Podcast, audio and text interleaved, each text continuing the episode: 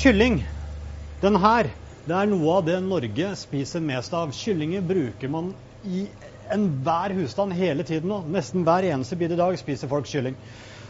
Selvfølgelig, det gjør man. Nå prater jeg om én familie. Det er kanskje opptil to, tre, fire, fem ganger i uka hvor man faktisk bruker kylling til et eller annet.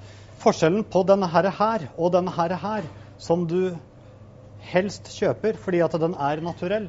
Den naturelle den koster ca. 70-80 kroner hvis du skal handle to stykker, er det ikke det? Og så får du en sånn en for en 39 kroner. Da går du for den. Måten man gjør det på, det er å rive fra dette kinnet her sånn. Man knekker opp selve leddene ut av låret. Svært enkelt. Man gir den karateslag der. Drar den over, og så bare skjærer du tvers igjennom. Her har du lårene. Og så har du brystene her sånn. Måten man deler lårene på, det er rett og slett å dra den rundt, og så kjenner du at kuleleddet er her sånn. Så da bare følger du det kuleleddet, drar den av. Samme gjør du på den andre siden. Følger kuleleddet, drar den av. Så har du to lår. Den her perfekt til kraft. Brystet går du ned langs kanten. Langs ryggbeinet så har du to sider. Én på venstre, én på høyre. Her har du et ønskebein. Alle sier at det er så farlig. Ja, det er det, så derfor gir du en snert, så er den borte. Så vipper du bare av og drar hele brystet av i forhold til beinet. Og så her har du en kule igjen som du bare skjærer da tvers av. Jeg syns jo alltid det er best å kanskje faktisk steke kyllingbryst med vingebeinet. Syns det er veldig veldig godt på, fordi at den gir en ekstra god smak. Og den er eh, litt feit. Og alt som har med bein og kjøtt å gjøre, det er ekstra smak faktisk i om det er okse, ku, gris, kalv eller hva som helst. Bein er viktig. Det gir en ekstra sånn fettsmak og setter det ekstra i forhold til saft i, og sånne ting. Da har man to deilige bryst. Man har to lår, og så har man skroget og en vinge. Skroget moser du sånn som dette her. Og så putter du den i en kjele, og den koker du kraft på etterpå. Det gir en fantastisk smak på supper og sauser eller hva du måtte ønske. Så enkelt kan du gjøre. Istedenfor å kjøpe to sånne til 80 kroner, så får du hele den herligheten her sånn, som er mye bedre. Du har med skinn, du har lårbein, du har klubber, du har fantastiske grillmat.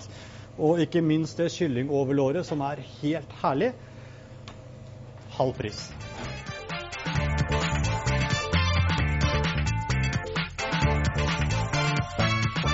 I dag skal vi lage en klassisk italiensk igjen, eh, scallopine av kylling.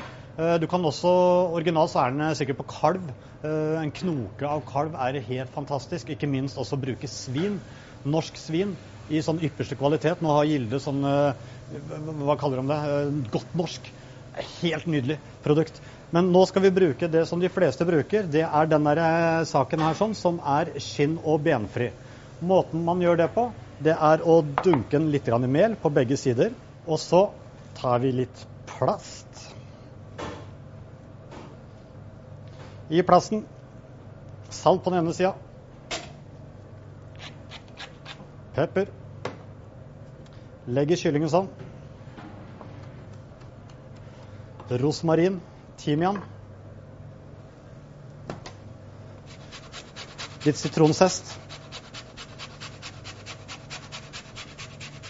I sitronsest alltid det gule, ikke det hvite. Det er fordi at vi ønsker å ha det ekstra friskt. Litt maldonsalt igjen, og ikke minst pepper.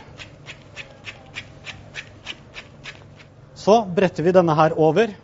Istedenfor å bruke en hammer som du er nødt til å slå 15 ganger, bruk en panne. Gjør den flat. Voilà. Da har du altså slått krydderet og urtene inn i kjøttet. Fordi at kylling det smaker egentlig ingenting. Man bare krydrer på utsida, og så kommer ikke smaken inn. Det gjør den hvis man gjør det sånn. Og så har de fleste også problemer med steketiden på kylling. Når man steker kyllingen hjemme, så er det ofte sånn at kyllingen er så tykk.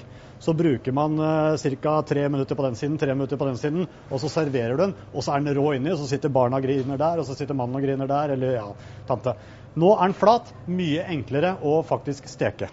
Varm panne, olivenolje, kun virgin-olje fordi at den er ikke så dyr, og den tåler litt mer varme, selv om du også kan bruke all slags type olivenolje, bortsett fra den som er billigst, for den tåler ikke mer enn eh, toppen 150 grader. Så vil du se en stor flamme, og hele kjøkkenet ditt blir røyklagt.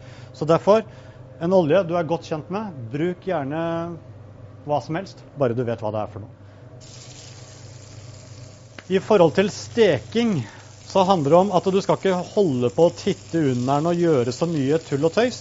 Bare la den stå og kose seg, for du ser alltid i kanten her sånn når du skal snu den. Mens den står der, så tar vi og kutter en løk.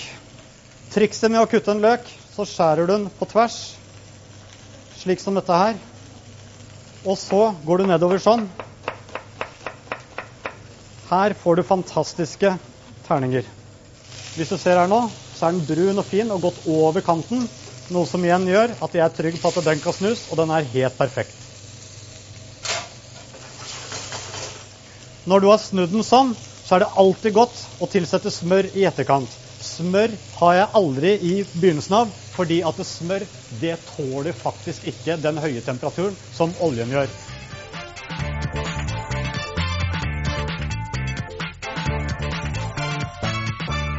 Når skalopinen er ferdig stekt på begge sider, løfter vi den opp over der og lar den hvile i ca. 3-4 minutter. Og da har vi mer enn nok tid til å lage sausen. Løk. Deilige kantareller.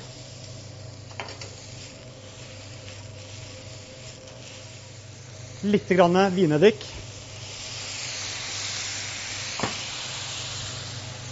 Og gjerne en portvin, sherry, søt hvitvin, eller helst en marsalavin, som er en søt vin fra Sicilia, som ofte blir brukt til dessert etc. Rør den over. Og røres inn med litt smør.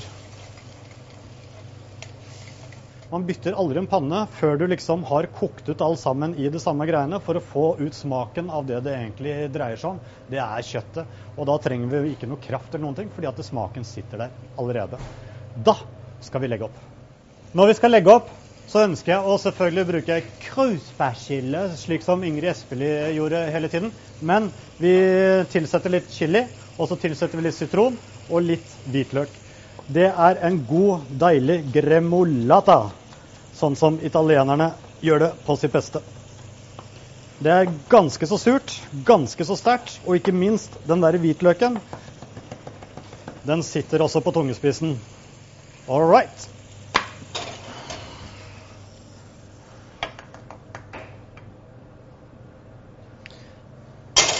Saus. Scalopini.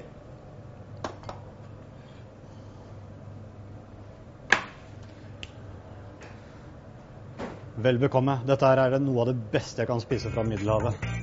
Helt fantastisk.